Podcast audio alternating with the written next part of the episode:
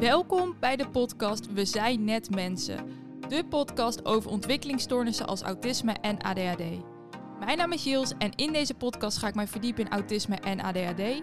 Deel ik mijn eigen ervaringen en geef ik andere mensen met een ontwikkelingsstoornis zoals autisme en of ADHD een stem.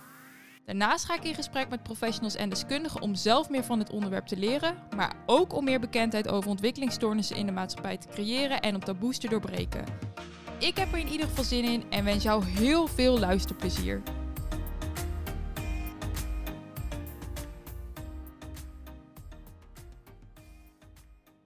Hoi lieve luisteraars en heel erg leuk dat je luistert naar de allereerste aflevering van de podcast We zijn het mensen.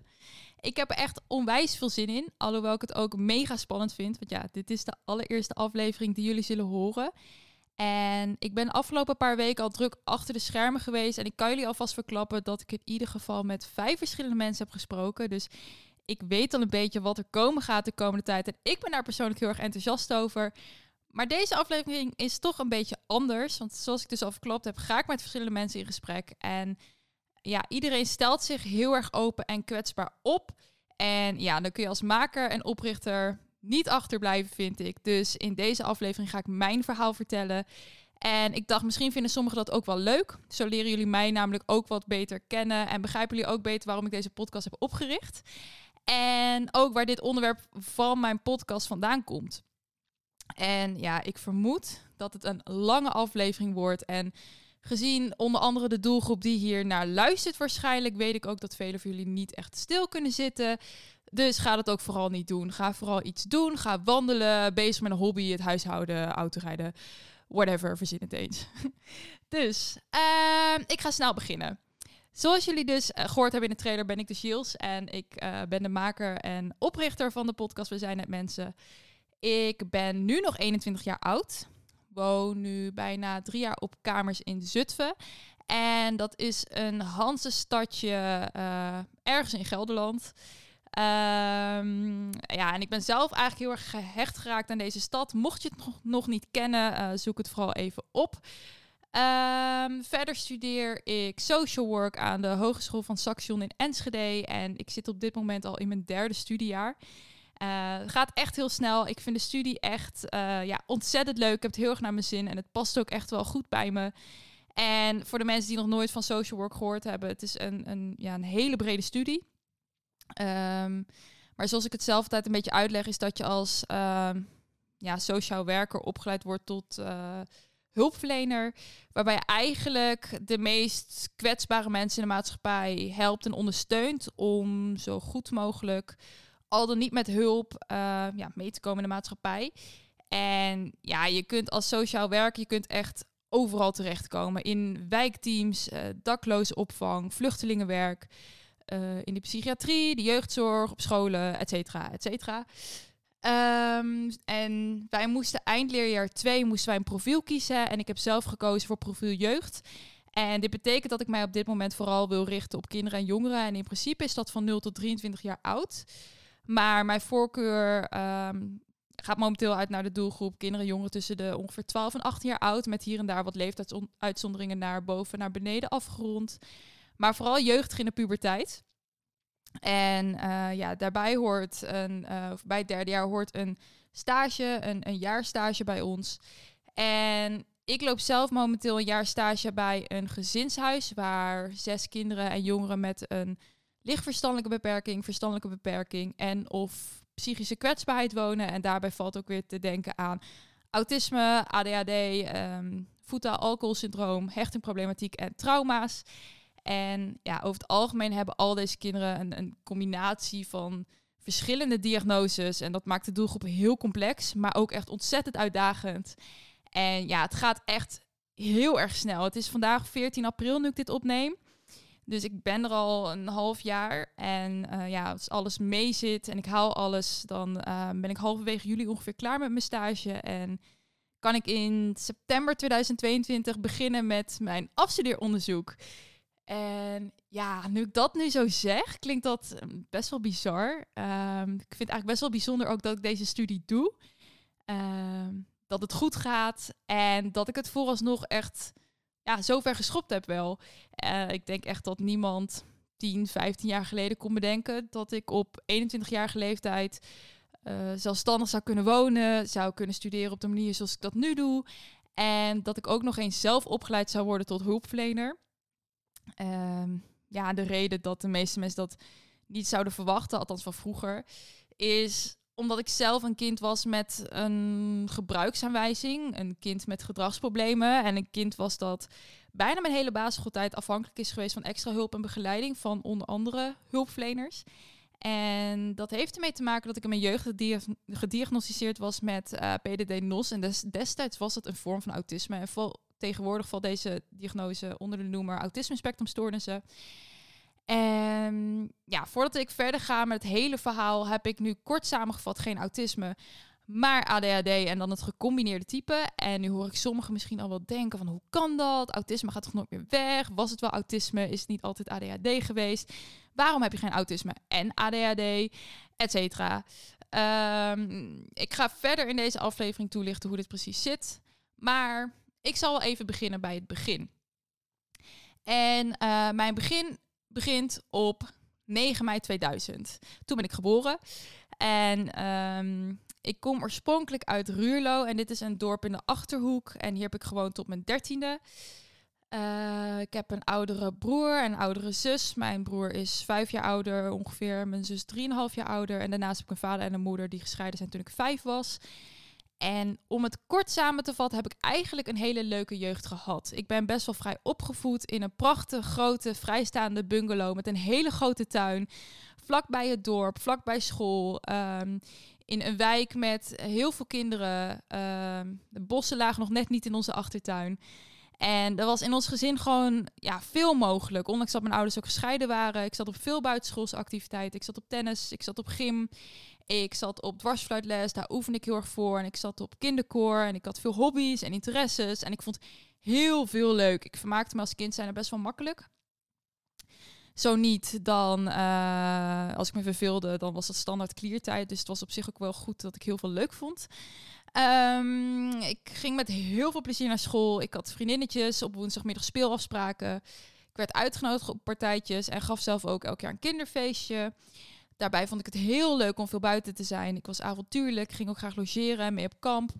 Maar hoewel ik eigenlijk best wel positief terugkijk op mijn kindertijd, was het voor mij, maar ook voor mijn omgeving, niet altijd een makkelijke periode. En ja, dat begon eigenlijk al vanaf het moment dat ik heel klein werd. Echt op mijn peuterleeftijd had men bij mij al het vermoeden dat er iets niet helemaal klopte.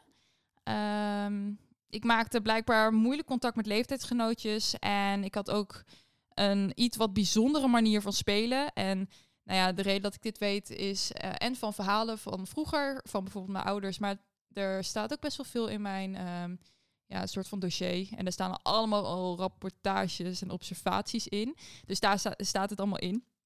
En uh, daarin staat bijvoorbeeld een voorbeeld ook dat wanneer we naar het strand gingen, de, speelde ik uh, bijvoorbeeld niet met een, een, emmer en een schep, maar vond ik het leuk om uren in het zand te zitten om volgens alleen maar zand op te pakken en zand weg te gooien, zand oppakken en zand weggooien. En wanneer ik voorgelezen werd, moest het altijd hetzelfde boekje zijn. En met televisie kijken wilde ik ook altijd alleen maar naar hetzelfde programma kijken. In het begin was het Teletubbies en daarna was het Pippi Langkous, waar ik uiteindelijk wat het hele script vanuit mijn hoofd wist. Ik fladderde regelmatig met mijn handen, kon uren bezig zijn met dezelfde taak en wilde niet stoppen voordat ik mijn taak had afgerond. En daarnaast kon ik heel slecht tegen veranderingen. Als er iets veranderde zonder dat het ruim op tijd werd aangekondigd, dan, dan ja, ontplofte ik. Ik ging op de grond liggen, ik werd heel boos. Ik schreeuwde echt de hele tent bij elkaar. En dit kon een restaurant zijn, op het strand, maar ook bijvoorbeeld midden in de supermarkt. En mijn ouders konden er de vinger niet precies op leggen, maar vonden wel dat ik me anders ontwikkelde dan mijn broer en zus. Maar doordat mijn moeder zelf is opgeleid tot psychiatrisch verpleegkundige en toen al bekend was met verschillende ja, stoornissen, beperkingen, ja, kon ze mij eigenlijk al vrij snel sturen. Ze begreep mijn gedrag en sloot hierop aan. Dus het was dan ook niet, uh, het waren dan ook niet mijn ouders die gelijk aan de bel trokken. Um, uiteindelijk deed zich een situatie voor op de peuterspeelzaal, wat de emmer daar eigenlijk deed overlopen. En het scheen zo te zijn dat ik uit het niets een gezicht open heb gekrapt van een medepeuter. Uh, waarbij de peuterspeelzaaljuffen echt zoiets hadden van, nou, hier uh, klopt iets niet helemaal met dat kind. En toen kreeg ik ook mijn eerste onderzoeken. En daar gaven ze toen al aan dat er bij mij sprake was van veel autistische trekken. Maar ik was nog te jong voor een officiële diagnose. Ik was toen ongeveer drie, drieënhalf jaar oud. Maar er werd wel geadviseerd om mijn gedrag in de gaten te houden. In 2004 ging ik naar de basisschool waar mijn oudere broer en zus ook al op zaten. En dit was destijds de Rehoboth School in Ruurlo. Het was een regulier onderwijs. En hoewel ze mijn gedrag eerst gingen observeren, was de conclusie na groep 1 dat ik mij niet helemaal ontwikkelde zoals mijn leeftijdsgenoten. Ik uh, bepaalde veel in het spel, ik was dominant. En als iets niet ging zoals ik wilde dat ging, dan ging ik ook daar midden op de grond liggen en was ik onbereikbaar. In groep 2 werd de ambulante uh, hulp ingezet en werd ik meerdere uren per week door een onderwijsassistent uh, opgehaald uit de klas. Ik weet niet precies hoe ze erbij komen, maar ze noemden dat altijd mijn rugzakje of rugzakbegeleider. Dus zo noemde ik dat ook altijd. En zij deed met mij uh, onder andere allemaal educatieve spellen gericht op sociaal, emotioneel en gedragsmatig gebied. Ik leerde er vooral mezelf kennen, mijn emoties herkennen, erkennen en de emoties van anderen. En uh, alle andere sociale regels, wat volgens de maatschappij als norm wordt beschouwd. Um, ik was sociaal nogal onhandig. Ik liep daarin ook achter. En ik snapte ook gewoon niet altijd wat de sociale regels waren. En het ging bij mij gewoon allemaal niet vanzelf. Ik had hier veel aansturing en bijsturing nodig. Uh, op een gegeven moment zat ik in groep 5. En toen was ik 8, 8,5 jaar oud. En er waren al meerdere observaties geweest de afgelopen jaren, ook in de klas. En toen ben ik opnieuw de diagnostiek ingegaan. En ik weet nog dat dat een hele week was. En dat ik een hele week gewoon niet naar school hoefde. Omdat ik elke dag, elke ochtend allemaal testjes en onderzoeken had. En daar hebben ze gewoon heel breed gekeken. Uh, onder andere ook een IQ-test afgenomen en gekeken naar autisme, ADHD, et cetera. En uiteindelijk kwam er toen de definitieve diagnose PDD-NOS eruit. En de Nederlandse vertaling daarvoor is perversief ontwikkelingsstoornis, niet anders omschreven. En destijds zeiden ze dat dit een vorm van autisme is. Nou, wat dit precies inhield en hoe dit onder andere ook met de DSM zit en wat dat is, dat zal ik later deze aflevering nog even verder toelichten. Maar uiteindelijk heb ik dus acht jaar lang op mijn basisschool gezeten. Ik ben ook nooit van school geswitcht tussendoor. Maar ik heb wel ruim zes en een half jaar lang, bijna mijn hele basisschoolperiode wel, uh, ondersteuning, begeleiding uh, gehad door uh, nou, dezelfde onderwijsassistent. Ehm, nou, een intern begeleider en mijn ambulant begeleider. En mijn ambulant begeleider zag ik niet zoveel, regelde wel veel achter de schermen. En eens in de zoveel tijd hadden mijn ouders dan een gesprek op school met mijn juffen en of meesters, de onderwijsassistent, ambulant begeleider, intern begeleider. En de hele tafel zat vaak wel vol. En ik mocht daar zelf nooit bij zijn. Dat vond ik altijd maar stom. Uh, ik weet nog dat er een raampje zat in de deur en dat ik daar soms wel stiekem doorheen ging loeren. Ik zag dan nooit zoveel, maar nou ja, ik wilde daarbij zijn, maar dat mocht niet. Maar ik weet wel nog dat ik toen ik een jaar of zes of zeven was, toen mocht ik een keer kort aansluiten bij dit gesprek. En de reden hiervan was dat mijn ambulant begeleider vertelde dat zijn vrouw in verwachting was. En dat zij een dochter kregen die ze ook Jils gingen noemen. Nou, ik was natuurlijk mega trots. Ik vond het super leuk. En uh, ja, ik vermoed dat hier ergens in de omgeving op zijn minst nog een Jils woont. Tenzij zij verhuisd zijn. Ik heb echt geen idee. Kan natuurlijk. Ik ken ze verder niet. Uh, maar goed, ik was dus een kind met een zorgvraag. En ja, ik ontwikkelde me wel echt wel steeds beter, maar ik was gewoon geen makkelijk kind. Mijn gedrag ging vaak echt op en af. En vaak was het een kwestie van twee stappen vooruit, één stap achteruit. Ik kon hele goede dagen hebben waarin ik uh, nou, op zich goed contact kon maken. Maar ook echt hele slechte dagen waarin dit uh, allemaal gewoon niet zo goed ging. Um, ik was als kind zijn ook heel prikkelgevoelig. Uh, verder was ik een kind dat uh, moeilijk luisterde, heel brutaal kon zijn. Ik was dol op kattenkwaad. Uh, ik vroeg veel om aandacht, positief, negatief. Uh, althans, ik snapte destijds nog niet echt het verschil tussen positieve en negatieve aandacht. Het boeide me ook volgens mij allemaal niet zoveel. Ehm, ik werd vaak de klas uitgestuurd. Ik had duidelijkheid en structuur nodig. Ik tetterde vaak door de klas heen. En ik was vooral een draak bij invalleerkrachten en stagiaires. Omdat, ja, zij mij niet kenden, niet makkelijk om me konden inspelen en ik nooit wist wat ik van uh, hen kon verwachten. Alles liep dan altijd weer anders en ik had daar altijd zo'n hekel aan. Um, en ja, ik had ook vaak ruzie met kinderen. En als ik boos was en ik had weer kortsluiting in mijn hoofd, dan kon ik ze ook echt de haren invliegen. En ja, nou moet ik wel daarbij zeggen dat mijn gedrag absoluut niet werd goedgekeurd. En dat ik bij zulke gedrag wel altijd goed ben aangepakt. Zowel door mijn ouders als door mijn leerkracht op school. En ja, ik denk ook niet dat het ooit daadwerkelijk mijn intentie is geweest om brutaal te zijn. Of uh, om vaak uh, door de klas te toeteren. Of om ruzie te maken met andere kinderen. Maar dat dit vooral voortkwam uit mijn interne onrust en mijn iets wat onhandige sociale gedrag. En dat is niet om het goed te maken overigens. Maar uh, ja, wel een verklaring. Um, ik wist gewoon heel vaak niet hoe ik op een normale manier aansluiting kon vinden. En ik heb talloze gesprekken moeten voeren met verschillende leerkrachten, mijn ouders en vooral mijn uh, ja, rugzakbegeleider.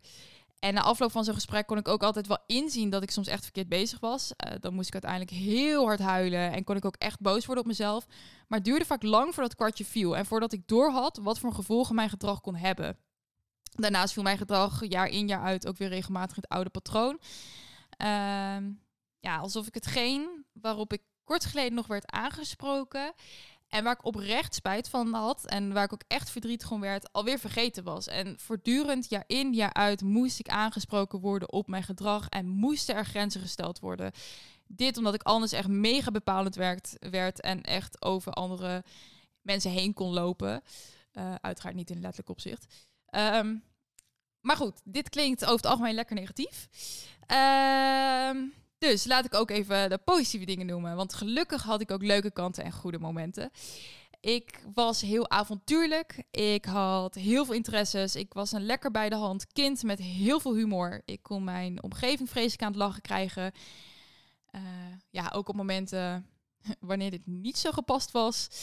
En ja, ik moet dan nu ineens denken aan een, een kinderkooruitvoering. En we moesten dan één keer in zoveel tijd moesten we zingen in de kerk. En ik ben zelf niet gelovig. Uh, ik ben ook niet gelovig opgevoed. Ik heb wel op een christelijke basisschool gezeten. Maar met koor moesten we dus zingen uh, in de kerk. En uh, ja, ik weet nog dat, we, dat, dat je dan af en toe een liedje moest zingen. En dan tussendoor werd de Bijbel voorgelezen. En dan moest je altijd stil zijn en stilzitten. En ik weet nog dat ik uh, samen met mijn beste vriendinnetje van de basisschool... Zij zat ook op kinderkoor en ja, we moesten stil zijn. Maar wij waren steeds aan het ouwehoeren. En ik was tussendoor gekke bek aan het trekken om te kijken van... Nou, hè, wat voor reactie kan ik uitlokken vanuit het uh, publiek? En nou, mijn moeder, die zag ik dan echt hoofdschuddend kijken van, uh, oh my god, uh, doe normaal. en soms uh, keek ze ook echt, dan schudde ze ook echt. En dan keek ze ook echt met zo'n blik van, nou, stop hier eens mee. Maar ja, dat, dat werkte bij mij niet altijd. Um, en dat staat trouwens losstaand van het geloof. Maar ik kon op dat moment gewoon niet altijd mezelf in toom houden. Um, en dingen konden bij mij gewoon nooit op een, op een normale manier gaan of zo. Ik kon gewoon heel vaak niet echt normaal doen. Dan hadden we bijvoorbeeld ook met op school, dan hadden we, moesten we schilderen. Uh, en schilderen, tekenen, kleuren, het waren sowieso nooit, was sowieso nooit echt mijn ding. En dan was iedereen gewoon heel rustig en serieus aan het schilderen. En dan hadden we een leuk muziekje aan in de klas. En in plaats van dat ik gewoon op een papier aan het schilderen was, was ik mijn gezicht aan het volkliederen met verf. En dan ja, werd de jufmeester werd dan boos. En dan is het echt zo van, ja, dit is niet de bedoeling. Maar eenmaal zij zich dan omdraaide, zag je gewoon dat ze moeite hadden om hun lach in te houden. En nou, ik heb echt tal van dat soort voorbeelden. Ik kende als kind zijn er gewoon echt nul schaamte. En ik kon daarom ook echt ongegeneerd gek doen. Ik denk dat ik wel ook in die zin wel altijd echt wel mezelf ben geweest. Um, was ik nooit iemand die uh, achter mensen aanliep. En als iedereen linksom ging, dan ging ik rechtsom of andersom. En ik trok eigenlijk altijd wel mijn eigen plan. Ik had als kind zijnde ook altijd echt een ontzettende houvast. Als ik iets in mijn hoofd had, moest en zou het gebeuren op die manier. En als ik ook zei dat ik iets ging doen, dan deed ik dit ook echt altijd. En kwam ik dit ook altijd na. Nou, om verder weer terug te komen op mijn schooltijd. Um, in 2012 zat ik in groep 8 en in september van het jaar ging ik naar de middelbare school. Ik wilde heel graag naar het Stedelijk Dalton College in Zutphen. Maar het duurde echt vreselijk lang voordat ik aangenomen was. Iedereen uit mijn klas was al aangenomen voor de school naar keuze. En ik hoorde maar niks. En ik hoorde maar niks. En ik hoorde maar niks. En even was er zelfs sprake van uh, het voortgezet speciaal onderwijs. En ze, nou, ze vroegen zich af of dat niet beter bij mij zou aansluiten. En ja, ik hoorde steeds maar niks. Dus ik weet nog dat ik aan uh, mama vroeg van... Mam, wat als ik niet word aangenomen? Nou, zei mama, er was ook nog wel een hele leuke school in Doetinchem. En ik dacht echt, Doetinchem? Hoezo Doetinchem? Weet je, ik woonde in Ruurlo en niemand uit mijn klas ging naar Doetinchem. Iedereen ging over het algemeen bij ons, althans het overgrote deel, ging naar het Sarum College, Lochem, Borculo. Um, enkeling ging nog naar een andere school in Zutphen. Maar ik dacht echt, Doetinchem? Wat is dat voor school? Dat vroeg ik ook. En toen zei ze, ja, Isselborg of Isselborg. En um, nou, internet bestond toen al, dus ik ging dat opzoeken. En ik kwam er toen achter dat het een voortgezet speciaal onderwijs was. En ja, sommige leerkrachten waren gewoon heel erg bang dat ik in het regulier onderwijs zou verzuipen dat ik niet goed om zou kunnen gaan met de hoeveelheid prikkels en veranderingen. Weet je, zo'n schoolgebouw is gewoon reusachtig. Je moet elke uur wisselen van lokaal. Uh, je hebt iedere keer weer een andere docent. Nou, ik had een hekel aan invalleerkrachten. Dus ja, hoe moest dat dan gaan als ik acht vakken op een dag zou hebben? Maar goed, ik wilde hier niks van weten. Ik moest en zou naar het Stedelijk in Zutphen. Helemaal ook omdat je op deze school ook musicalstroom had. En ik was dol op theater en op het podium staan. En ik had als kind zijn echt nul plankenkoord. Ik vond het fantastisch. En uh, ja, ik wilde daar gewoon naartoe. En ik wil daarbij wel zeggen dat er niks mis is met speciaal onderwijs. Echt absoluut niet. Als dat de school is wat bij jou aansluit, of bij jou vroeger aansloot, of aansluit bij jouw kind, is dat goed. En is daar ook gewoon echt niks mis mee. Ik denk ook dat we heel blij moeten zijn dat deze scholen bestaan. Maar zelf wilde ik hier gewoon niet naartoe. Weet je, ik was het regulier onderwijs gewend. En met goede hulp en begeleiding wist ik dat ik het kon. En ik ben achteraf gezien, uh, of ik heb achteraf gezien, een, een hele uh, goede ervaring gehad met passend onderwijs. En ik besef me ook wel dat ik hier echt enorm veel geluk mee heb gehad. En dat ik daarin ook eigenlijk heel verwend was. Ik hoefde echt maar een gil te geven en ik kreeg de hulp die ik nodig had. En daarnaast heb ik ook echt geluk gehad met mijn netwerk en het geduld van iedereen. En ik weet dat dit echt niet voor iedereen vanzelfsprekend is of was. Maar daardoor ben ik er wel heel erg van overtuigd. En overtuigd ga ik dat ongeacht wat voor beperking, stoornis, diagnose, whatever je ook hebt, je met de juiste hulp echt ontzettend ver, ver kunt komen. Ik geloof dat echt. Ehm, dat gezegd hebbende, uiteindelijk was ik aangenomen op het Stedelijk Dalton College in Zutphen. En ik was natuurlijk super blij. Ik was echt heel blij. En ja, eenmaal op de middelbare school ehm, zag ik dit ook echt als een nieuwe stap. Ik wilde mijn verleden op de basisschool uh, ja, loslaten. En ik had echt oprecht wel een hele leuke tijd gehad op mijn basisschool. Maar ik wilde gewoon heel graag het tegendeel bewijzen. Ik wilde laten zien dat ik het zelf kon en dat ik geen hulp meer nodig had. Dat ik net zoals ieder ander zonder hulp mee kon komen. En ik had mezelf dan nu ook uh, ja, voorgenomen dat ik als het ware normaal was en dat ik geen autisme of wat dan ook had. En ik had mezelf ook voorgenomen dat ik het er nooit meer met iemand over wilde hebben. Helemaal omdat je, je komt op een gegeven moment op zo'n leeftijd, uh, puberteitleeftijd, dat je toch een soort van gaat beseffen dat zoiets als autisme nogal raar is. Althans, dat dacht ik. En ja, ik kende echt niemand die dat dan ook had. En je komt ook in de puberteit en je wilt toch op een, eh, een of andere manier ergens bij horen. En uh, zoiets als autisme, dat maakt je niet bepaald populair. Althans, dat was altijd mijn gevoel. En eigenlijk maakte die diagnose maakte mij mega kwetsbaar.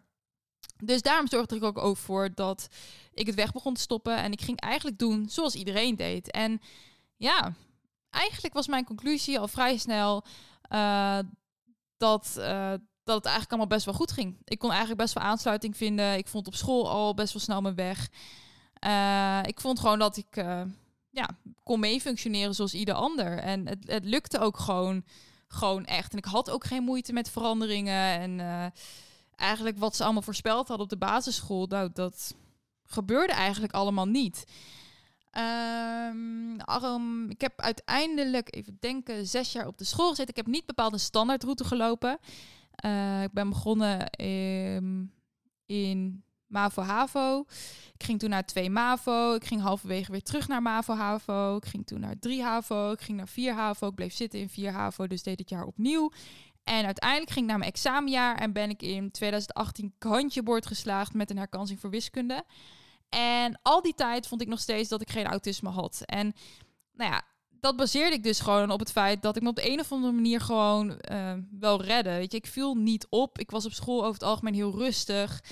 Uh, kon heel goed, ik kon gewoon heel goed luisteren of gewoon luisteren. Ehm, uh, ik, ik uh, was ook niet brutaal zoals op de basisschool. Ik viel niet op. Ik kwam eigenlijk altijd op tijd. Ehm, ja, en ik denk ook doordat ik gewoon niet helemaal de standaard route heb gelopen, kwam ik elk jaar of om de twee jaar weer in een compleet nieuwe klas. En op de een of andere manier ging ik daar wel vrij flexibel mee om. Weet je, mijn school was best wel klein. En als je gewoon een, het reguliere pad volgde, dus je begon gewoon op een niveau, het maakt niet uit welk niveau, en je ging elk jaar gewoon netjes over, zoals de meeste klasgenoten, dan kon het maar zo zijn dat jij al die jaren ongeveer met dezelfde klasgenoten in de klas uh, kwam te zitten. Maar goed, ik had het dus niet, omdat ik steeds van niveaus uh, ja, switchte. En ook weer een keer bleef zitten. En ja, op de een of andere manier ging ik daar wel vrij flexibel mee om. En ook sociaal gezien red ik mezelf op zich ook wel. Uh, ik zou mezelf niet bepaald moedersociaalste noemen. En ik was ook niet echt iemand die deelnam aan grote groepen. Maar die behoefte had ik ook niet. En ik, ja, weet je, ik redde mezelf prima. En ik hield mezelf goed staande en ik vond het eigenlijk allemaal wel best. En als er dan toch een keer het woord autist of autisme viel, en niet zozeer naar mij toe, maar meer in het algemeen als bijvoorbeeld scheldwoord, voelde ik me soms wel aangesproken. Maar ik deed dan altijd net alsof ik, niet, alsof ik het gewoon niet hoorde. En ook als familieleden er toevallig weer over begonnen, dan vermeed ik het gespreksonderwerp. Ja, waarom ik dat deed? Ik denk achteraf gezien dat dit onderwerp altijd wel heel gevoelig lag. Maar ja, over het algemeen kon ik er altijd mee wegkomen. Weet je, ik hoefde de confrontatie met dit onderwerp ook niet aan te gaan. Het gaat goed, niemand heeft last van mij, dus hoezo moet ik het erover hebben? Nou, daar kwam uiteindelijk verandering in toen ik uh, autorijlessen nam in 2017. De zomer voor mijn examenjaar. En ja, een heel lang verhaal kort. Mijn rijlessen gingen niet zo soepel. En ik merkte zelf al vrij snel dat de rijlessen bij mij anders en vooral moeizamer verliepen dan mijn vriendinnen die destijds ook rijlessen hadden. En ik weet nog wel dat mijn rijinstructeur helemaal aan het begin van mijn rijopleiding nog vroeg van of hij iets van bijzonderheden van mij moest weten. Want hij gaf ook les aan onder andere mensen met autisme en ADHD. Maar ik zei uiteraard dat er niks aan de hand was. Weet je, ik dacht ook echt van ja, dat gaat je gewoon niks aan. Um, en ja, weet je, ik kon het ook gewoon zeggen. Want weet je, zoiets als autisme of ADHD, het is niet aan iemands gezicht af te lezen. Dus uh, nee, ik had het niet. Allemaal onzin. Uh, ik dacht, ik zeg jou, ik zeg het gewoon helemaal niet. Ik dacht ook, ja, wie ben jij dat jij dat van mij moet weten? Nou, op een gegeven moment uh, was het 2 augustus 2017, de dag van mijn 15e rijles. Uh, ja, vroeg mijn rijinstructeur uiteindelijk of ik ooit was getest op ADHD. En ja, hij had me al vaak zat aangesproken op mijn rijgedrag. En hij had al ergens het vermoeden dat er iets niet helemaal klopte. Nou, en toen voelde ik dat, uh, ja, dat ik er voor het eerst sinds vijf jaar op dat moment gewoon niet meer onderuit kon komen. Ik voelde gewoon aan alles dat hij me doorkreeg. En toen moest ik ineens toegeven dat ik vroeger, destijds negen jaar geleden, gediagnosticeerd was met PDD-NOS. En ja, dat dit een vorm van autisme was, hoefde ik mijn rijinstructeur niet meer uit te leggen. Die wist toen al genoeg. En ja, dit was voor mij zo'n ontzettend moeilijk moment. Omdat ik hierbij ja, mijn eigen belofte eigenlijk verbrak. Die ik toen had gemaakt toen ik naar de middelbare school ging. En ook omdat ik gewoon op deze manier moest toegeven dat ik blijkbaar toch niet functioneerde zoals de meeste mensen in deze maatschappij blijkbaar wel functioneren. Iets waar ik toch wel altijd onbewust heel erg mijn best voor had gedaan. En ja, nu was er blijkbaar toch iets mis met me, dacht ik toen. En ja, ik huil niet snel waar mensen bij zijn. En ik kan soms best wel vrij neutraal overkomen. Maar deze man had me door en ik brak echt. En ik vond het echt heel erg moeilijk. Eenmaal thuis kwam uh, na mijn rijles, toen ben ik echt gelijk naar boven gevlucht. En ik ben in geen tijden niet meer zo overstuur geweest als toen.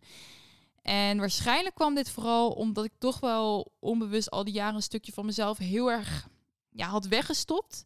Een stukje van mezelf, uh, ja, verborgen hield. En dat stukje wat ik altijd verborgen hield, kon ik ineens niet meer verbergen. Het was echt alsof mijn masker als het ware afging. En het feit dat iemand die jou niet kent, iemand die jouw hele geschiedenis niet kent, toch aan jou merkt van hé, hey, iets in jouw hoofd werkt niet helemaal zoals het zou moeten werken. Ik vond dat echt behoorlijk confronterend.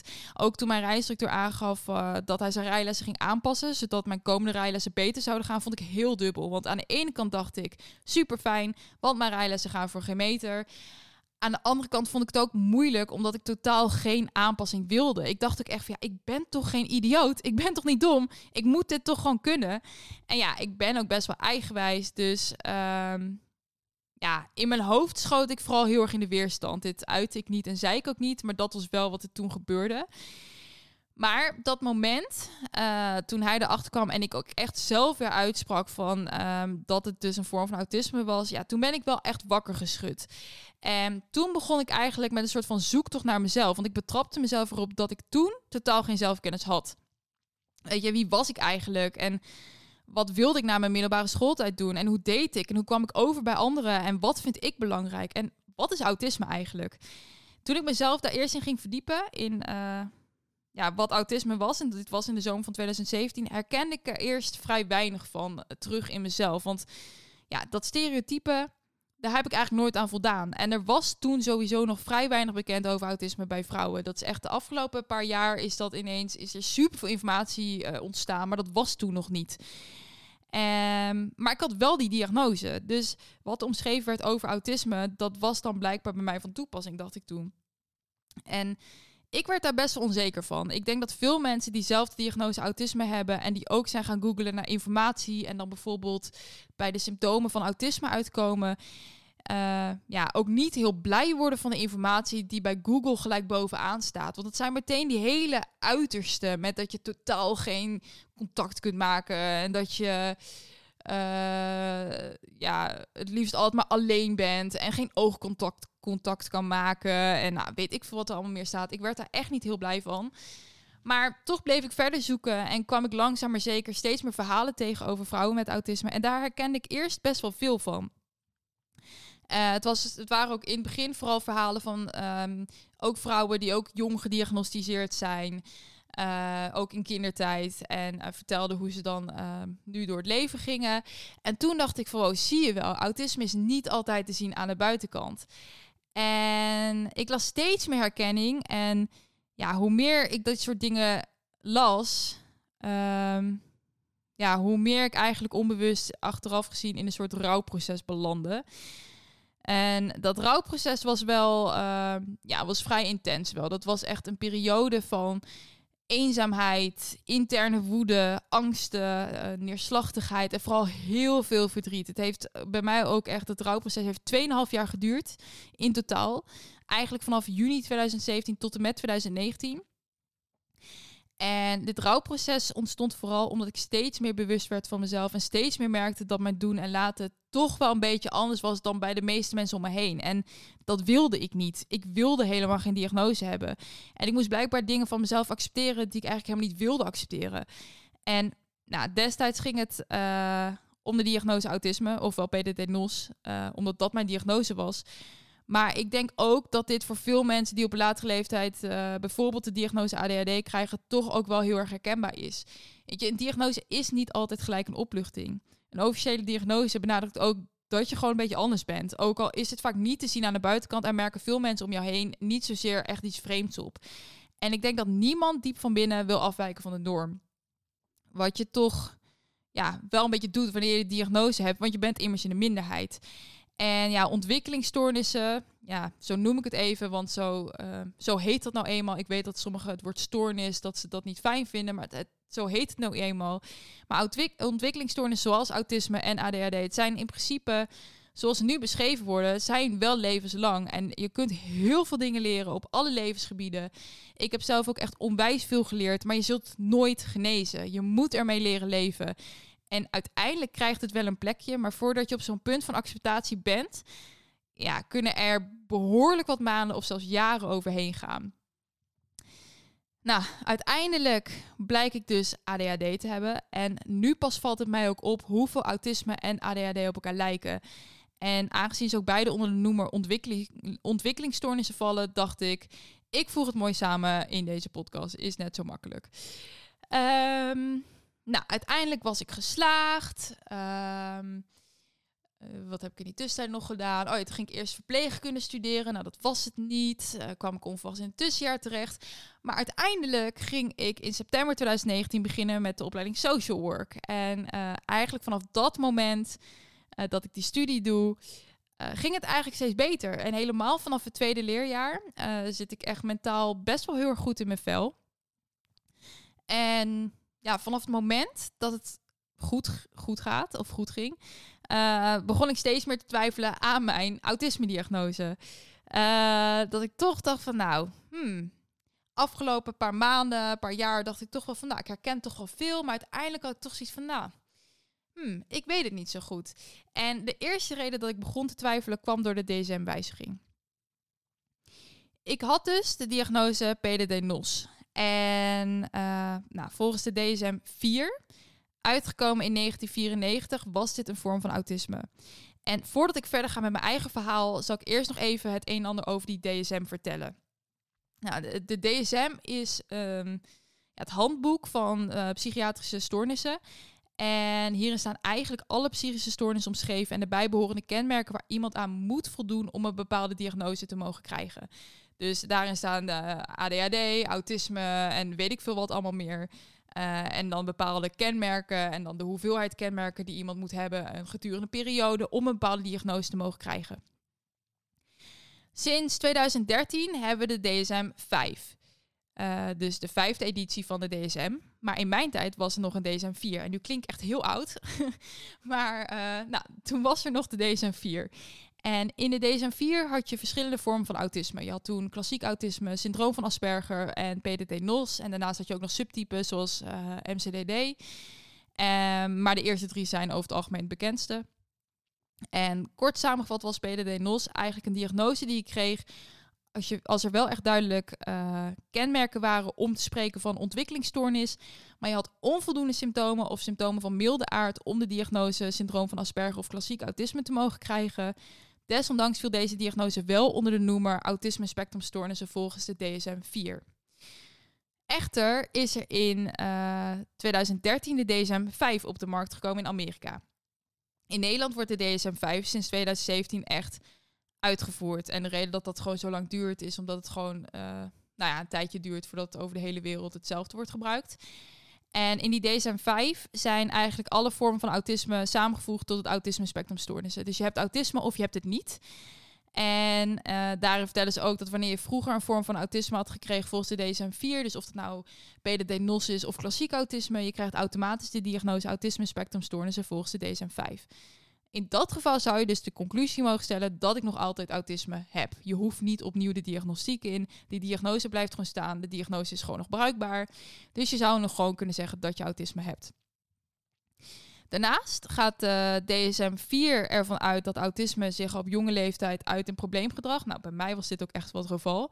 Maar de DSM-5 die nuanceert dit door te stellen dat de symptomen in de kindertijd wel aanwezig moeten zijn, maar de problemen zich soms pas later uiten. Dit sluit goed aan bij diagnostisch onderzoek naar autisme-spectrumstoornissen bij volwassenen of ouderen.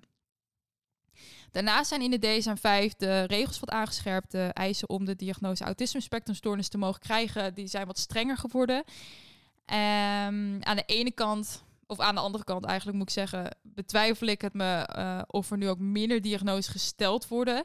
Aangezien de DSM-5 um, ehm, het eindelijk mogelijk maakt om ook uh, als volwassene gediagnosticeerd worden met autisme. En eigenlijk tot en met de DSM-4 kon dit eigenlijk niet, op een paar uitzonderingen na. En ja, dit kwam dus omdat je uh, dat, dat zogenoemde probleemgedrag, dat moest je vertonen eigenlijk in de kindertijd tot en met de DSM-4. Um, ehm, en als dit niet voorkwam ehm, en je vroeger niet bepaald opviel met extreem opvallend gedrag, dan dacht niemand aan autisme. Dus dan werd het hele autisme werd gewoon over het hoofd gezien. Um, daarmee zeggen ze ook in verschillende wetenschappelijke onderzoeken die ik heb gevonden op de website van Annelies Spek. En Annelies Spek is hoofd van het autismecentrum uh, of autisme expertisecentrum in Eemnes. En zij is klinisch psycholoog en senior wetenschappelijk onderzoeker en ze is gepromoveerd bij, uh, op uh, autisme spectrumstoornis bij volwassenen. Maar in een van die uh, wetenschappelijke onderzoeken die ik dus vond op haar website en die ik gelezen heb, uh, daar staat dat naar schatting 31% van de mensen die wel een vorm van autisme kregen volgens de DSM-4, geen autisme krijgt volgens de DSM-5. En bij de diagnose PDD-NOS gaat het zelfs om 70%. En toen ik dit las, werden mijn twijfels groter. Nou, daarnaast uh, was ik dus begonnen met de opleiding social work en ja, daar leer je ook over ontwikkelingsstoornissen. En in het tweede leerjaar, dat was vorig jaar, liep ik ook stage uh, waar jongeren met autisme werden begeleid van het voortgezet onderwijs, voortgezet speciaal onderwijs naar het MBO. Uh, ja, ontzettend leuke doelgroep om mee te werken. Uh, ik denk dat ik in totaal 17 jongeren heb ontmoet. Ze hadden allemaal een diagnose in het autisme spectrum. De ene had de nieuwe diagnose, de andere had inderdaad nog de oudere diagnoses. Allemaal hadden ze dus autisme. Uh, niemand was hetzelfde. Ik denk dat als je ze alle 17 op een rij had gezet, dat je 17, uh, dan zag je sowieso 17 verschillende mensen. Uh, het enige overeenkomst wat ze echt hadden, was dat ze allemaal de diagnose autisme spectrumstoornis hadden. Um, ja, soms zag je wel wat dingen waarvan je dacht van hé, hey, dat herken ik in jou en dat herken ik ook in jou. Maar verder waren het stuk voor stuk allemaal, allemaal verschillende jongeren. Um, maar desondanks dacht ik wel van, hmm, weet je, ik heb in principe dezelfde diagnose als jullie allemaal hebben. En dat wisten ze overigens allemaal niet. Maar ik dacht wel van ja, ik herkende toch te weinig van mezelf terug in de jongeren. En op zich geeft dat niet. Maar je zou denken dat je meer herkenning vindt bij mensen die eenzelfde soort diagnose hebben. En dat had ik dus niet. En ja, uiteindelijk kwam ik dus uh, ja, door theoretische kennis vanuit de opleiding, uh, mijn stage, uh, door de gesprekken met de mensen om me heen en nieuwe wetenschappelijke onderzoeken gewoon heel erg tot de conclusie dat ik mij momenteel te weinig in de diagnose autisme spectrumstoornis herken. Ondanks dat ik mezelf van vroeger er dus wel weer heel erg in herkende. Dus ik snap ook wel waar mijn diagnose PDD-NOS, wat dus als autisme wordt beschouwd, destijds vandaan kwam. Um, maar de reden dat ik mij te weinig in de diagnose autisme herkende, was omdat ik mijn eigen situatie ging vergelijken met de hoofdkenmerken van autisme volgens de DSM-5. En ik herkende dus wel dingen, maar ik vond dat ik te weinig kon onderbouwen waarin het autisme dan bij mij precies in zat. Je autisme is heel breed. Ehm, er zijn heel veel symptomen die daarbij horen of daarbij kunnen horen, maar er zijn een paar hoofdkenmerken waar je, waaraan je aan moet voldoen om de diagnose te mogen krijgen. En dat bestaat dan uh, uit verschillende onderdelen. En ja, vooral het A-onderdeel waar ze het hebben over blijvende tekorten in de sociale communicatie en interactie is daarin belangrijk. En het is niet zo dat mensen met autisme totaal niet communiceren of niet kunnen communiceren. Uh, maar vaak blijven ze hier wel moeite mee houden. Um, en dit is dan al ontstaan vanuit de kindertijd. Uh, en op een gegeven moment, als je ouder wordt, helemaal als je een, een normaal tot hoog IQ hebt, dan kun je heel veel leren. En je kunt heel veel copingstrategieën leren. Maar toch blijf je hier over het algemeen echt wel moeite mee houden. En ja, in dit A-onderdeel is dan weer onderverdeeld in drie onderdelen. En als je op al deze onderdelen hoog scoort, voldoe je aan het A-onderdeel. Nou, daarnaast heb je ook nog een B-onderdeel waar ze kijken naar beperkte, zich herhalende gedragspatronen, beperkte interesses en activiteiten. En uh, ja, dan zie je vier kenmerken waarvan je er aan minstens twee moet voldoen, nu of in je kindertijd. En prikkelgevoeligheid is daar bijvoorbeeld een, een voorbeeld van, van een van die vier kenmerken. Nou, wat je daarnaast ook veel uh, ziet, is moeite met veranderingen. Uh, dat komt ook veel terug bij autisme. En uh, inderdaad ook het, het vasthouden aan, aan, dezelfde patronen, structuur nodig hebben en hier liever niet van af willen wijken, zie je ook uh, veel terug. En als ik de kenmerken van autisme dus volgens de DSM-5 vergeleek met mijn situatie van vroeger, dan vond ik wel dat de diagnose autisme passend was. Maar als ik dit leg naast mijn huidige situatie, vond ik dat ik te weinig kenmerken had. En zo merkte ik op dat ik eigenlijk ja, toch wel flexibeler was in mijn doen en laten dan ik dacht. Ik kan eigenlijk best wel goed tegen veranderingen. En ik ga me ook echt vervelen als ik altijd dezelfde structuur heb. Ik ga wel goed op structuur, maar te veel structuur is op de een of andere manier voor mij ook weer niet goed. Um, nou, wat je ook wel veel ziet of veel hoort, leest, uh, is dat. Uh, nou ja, dat ze het bij autisme ook wel vaak hebben over het sociaal gedrag maskeren. Velen geven dan aan dat ze niet sociaal zijn, maar ja, eigenlijk sociaal doen. Um, ja, ik maskeer wel bepaalde gedragingen, maar niet zozeer in mijn gedrag. Uh, niet zozeer mijn gedrag in het sociale aspect. Je, ik, uh, als ik nu ook kijk naar mijn situatie, ik, ik maskeer bijvoorbeeld heel erg mijn drukke gedrag. Uh, die drukte zit vaak in mijn hoofd. Uh, en vaak uit ik dat helemaal in groepen, uit ik die drukte heel vaak helemaal niet. Dus dat zou je kunnen zien als een soort masker. Maar um, het is niet zo wat ik veel zie of veel lees, moet ik zeggen. dat uh, ik hele tijd, als ik met iemand aan het praten ben, voortdurend aan het nadenken ben van, oh, wat moet ik zeggen? En uh, dat ik na afloop van zo'n gesprek ineens denk van, oh, of dat je dan na afloop van zo'n gesprek ineens dat hele gesprek weer compleet gaat herhalen. Dat moet ik zeggen, ik heb dat wel eens, maar niet zo extreem. Um, ja, ik vind communicatie en sociaal aspect niet altijd makkelijk. Um, maar dat is toch op een, op een andere manier. Ik denk dat dat in mijn geval meer is omdat ik me gewoon niet altijd makkelijk kan focussen op een gesprek of zoiets. Um, en ja, um, ja, en wat ik trouwens ook net zei over het, het continu nadenken over, over uh, wat je moet vertellen. Of wat je ook wel eens, wel eens hoort, is dat mensen met autisme kunnen op zich prima oogcontact maken, maar het is heel erg aangeleerd. Uh, en ze doen het over het algemeen liever niet. Uh, en dat is dan ook heel erg in hun hoofd zitten met... oké, ik moet geen nu 10 seconden aankijken... dan moet ik even wegkijken en dan kijk ik weer terug. Of dat ze trucjes leren om tussen de wenkbrauwen te kijken. En wat ik nu allemaal zeg, wil trouwens niet zeggen dat dit bij iedereen zo is. Dus misschien luister je dit, heb je de diagnose autisme... en denk je echt van, nou Jules, wat jij nu zegt herken ik niet bij mezelf. en dat is ook prima. Daar is niks mis mee. Um, nou ja, lang verhaal kort in eerste instantie, um, ja, um, wat wil ik weer zeggen? Even denken. Uh, nou, in de eerste verhalen over uh, ja, vrouwen met autisme herken ik me wel. Maar toch begon die herkenning gewoon langzaam uh, weer meer te verdwijnen. En um, ja, hoe meer erover bekend werd, hoe meer ik dacht, dit klopt bij mij geloof ik niet. Uh, en dit heeft er denk ik vooral mee te maken met dat ik heel jong gediagnosticeerd ben. Als vrouw zijnde jong gediagnosticeerd worden is sowieso al heel zeldzaam. Zowel bij ADHD als bij autisme. Um, dus ik las steeds meer verhalen over mensen die heel laat de diagnose krijgen. En ja, dat is voor mij ja, nieuw als het ware. Um, maar ik dacht wel op een gegeven moment van ja, weet je, zij, heel veel mensen die vinden herkenning van oh, laat gediagnosticeerd. En uh, dan ineens denk je wow, dit herken ik ook en dit herken ik ook. Maar dat had ik nu dus niet. Dus ik had steeds meer zoiets van nee, volgens mij klopt dit niet helemaal. En die twijfel, ik was op een gegeven moment echt er dagelijks was ik ermee bezig. En ik, en ik bleef die twijfel maar houden van hè, heb ik wel die diagnose, heb ik niet die diagnose. Ik bedoel, ik had de diagnose wel, maar klopt dit wel? En nou ja, doordat dat knagende gevoel bleef aanhouden en ik daarin ook gewoon niet echt rust vond, wilde ik opnieuw de diagnostiek in. Ik wilde nog eenmalig gewoon bevestigd krijgen en weten hoe deskundigen naar mijn totale situatie zouden kijken en of het inderdaad autisme was of niet. En als het eruit zou komen, was dit voor mij prima. Maar dan wilde ik weten waar het dan bij mij dan in zat. Want ik kon het voor mezelf gewoon te weinig onderbouwen. En ik ben toen. Uh, ik, heb toen heel bewust gekozen uh, voor het Autisme Expertise Centrum van Annelies Spek. Want dit omdat zij dus veel kennis hebben van uh, autisme en andere psychische klachten bij vrouwen. En aan de ene kant dacht ik, het schrik als er geen autisme uitkomt gezien mijn jeugd en diagnose. Maar mijn gevoel zei dat er niet uit zou komen. Uh, anderzijds kon ik ook weer niet geloven dat er niks uit zou komen. En ik wist ook dat ze hier breder zouden kijken dan alleen autisme. Dus ik wist dat ik hier bij het goede adres was. En verder ging ik er gewoon heel erg open in.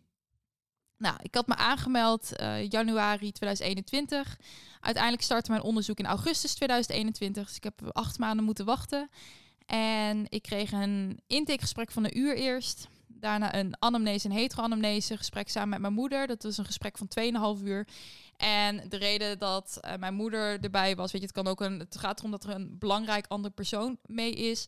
Over het algemeen willen ze in eerste instantie helemaal gezien mijn leeftijd liever je ouders, want die weten veel van jou van vroeger. Maar het kan ook een broer of zus zijn of uh, je partner. Uh, kan allemaal. Uh, nou, na dat gesprek van 2,5 uur heb ik nog een testonderzoek gehad van 3 uur. En ehm, zij hebben mijn hele dossier eh, van vroeger met allemaal observaties opnieuw doorgespit. Um, ik denk, volgens mij was het uiteindelijk het, totale onderzoek, inclusief alles wat zij achter de schermen hebben gedaan, heeft 15 uur geduurd. En op 14 september 2021 uh, eh, ja, was de uitslag. En uh, het eindverslag wat ik toegestuurd kreeg van het hele onderzoek, dat bestond uit 27 A4'tjes. En uh, nou ja, daaruit bleek inderdaad dat ik te weinig kenmerken heb om de diagnose autisme spectrumstoornis te mogen krijgen.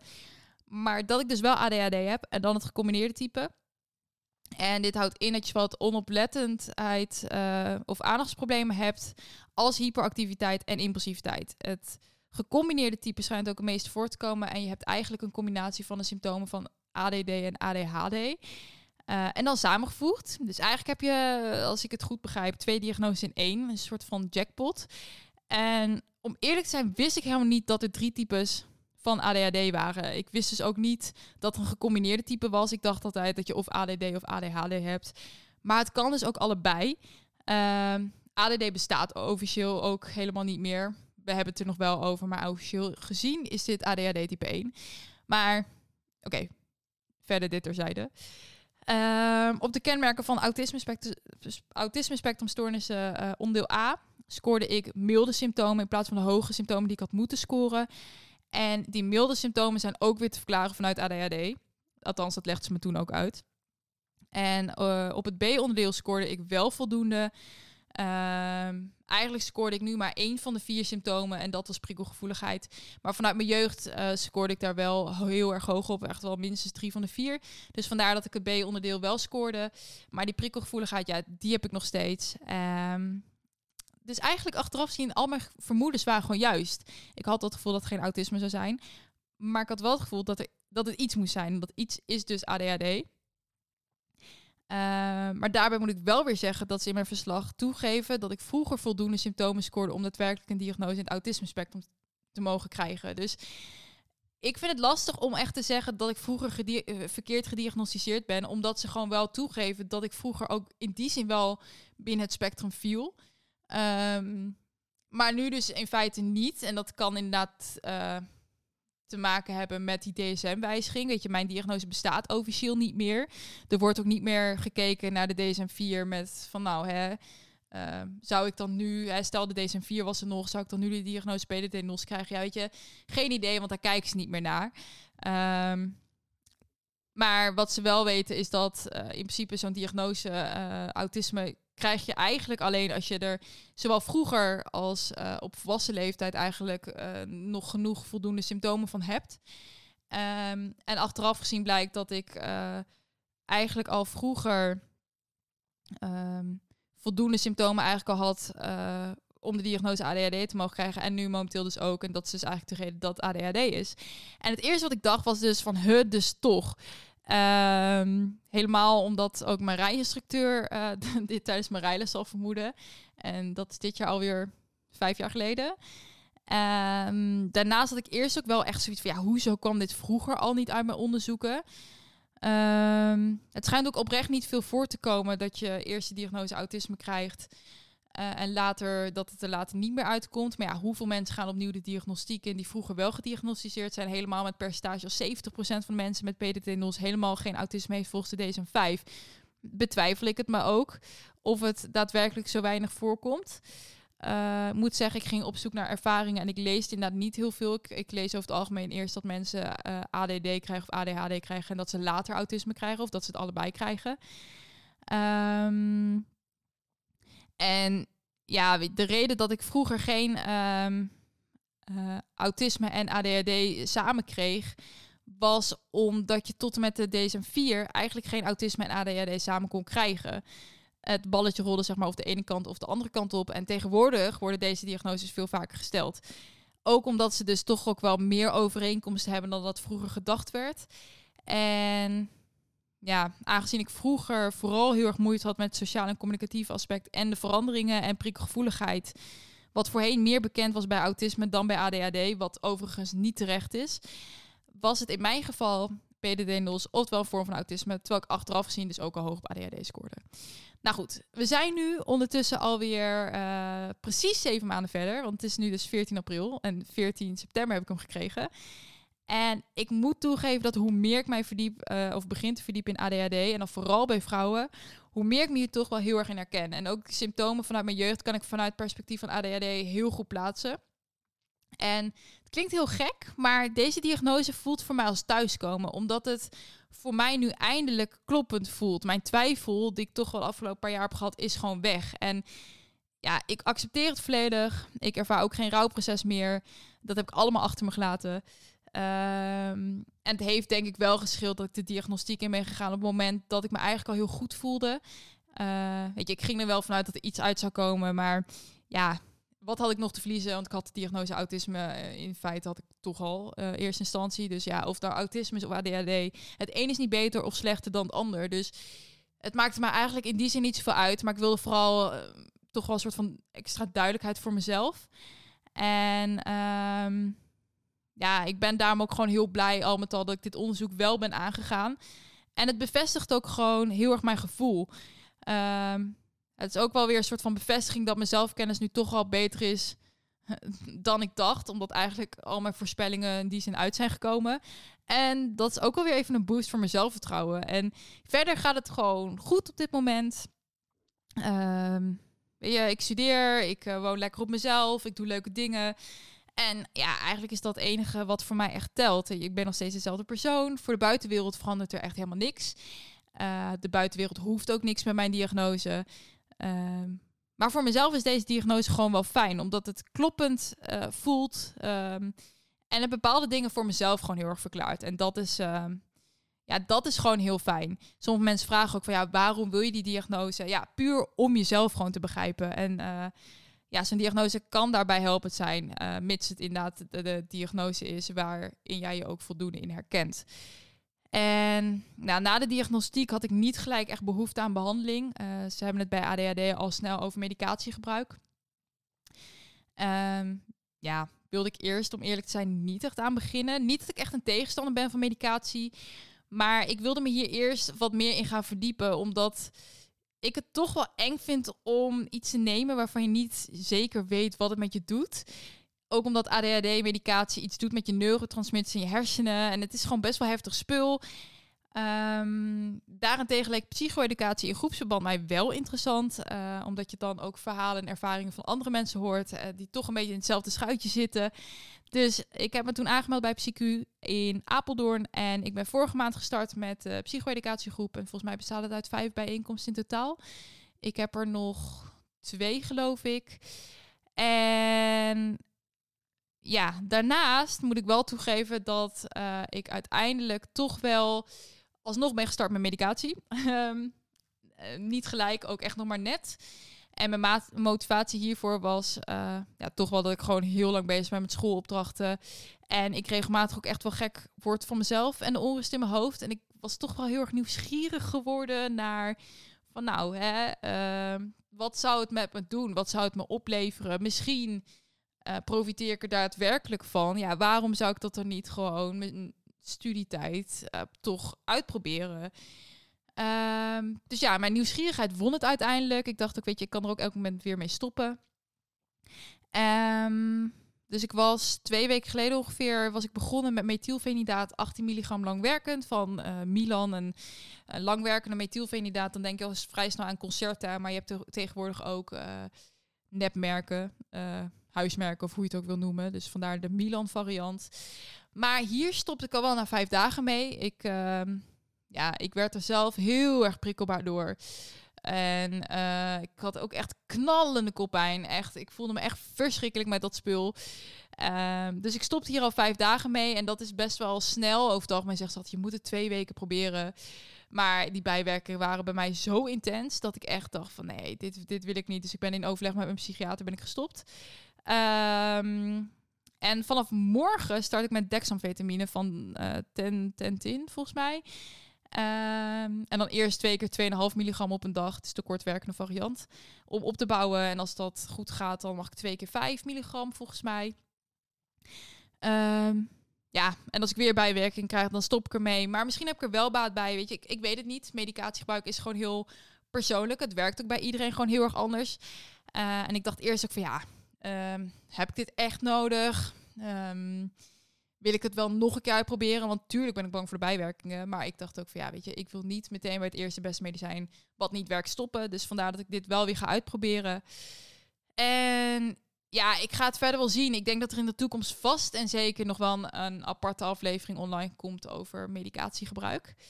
Maar ja, voor nu vind ik het denk ik wel weer mooi geweest. De aflevering heeft echt lang genoeg geduurd. Uh, in ieder geval heel erg bedankt voor het luisteren. Mocht je nog vragen en of opmerkingen hebben, laat het vooral even weten via de Instagram of Facebookpagina van We Zijn Het Mensen. Ook als je ideeën hebt voor onderwerpen uh, die je graag zou willen horen. Uh, laat het vooral inderdaad weten via de social media kanalen of via de mail. We zijn het mensen outlook.com. En ook mocht je op de hoogte gehouden willen worden over de volgende aflevering, volg dan ook vooral even de Instagram en op Facebook pagina van We zijn het mensen. Of volg de podcast op Spotify of Apple Podcasts. En ja, dat was hem weer. En voor nu hopelijk tot de volgende aflevering. Doei!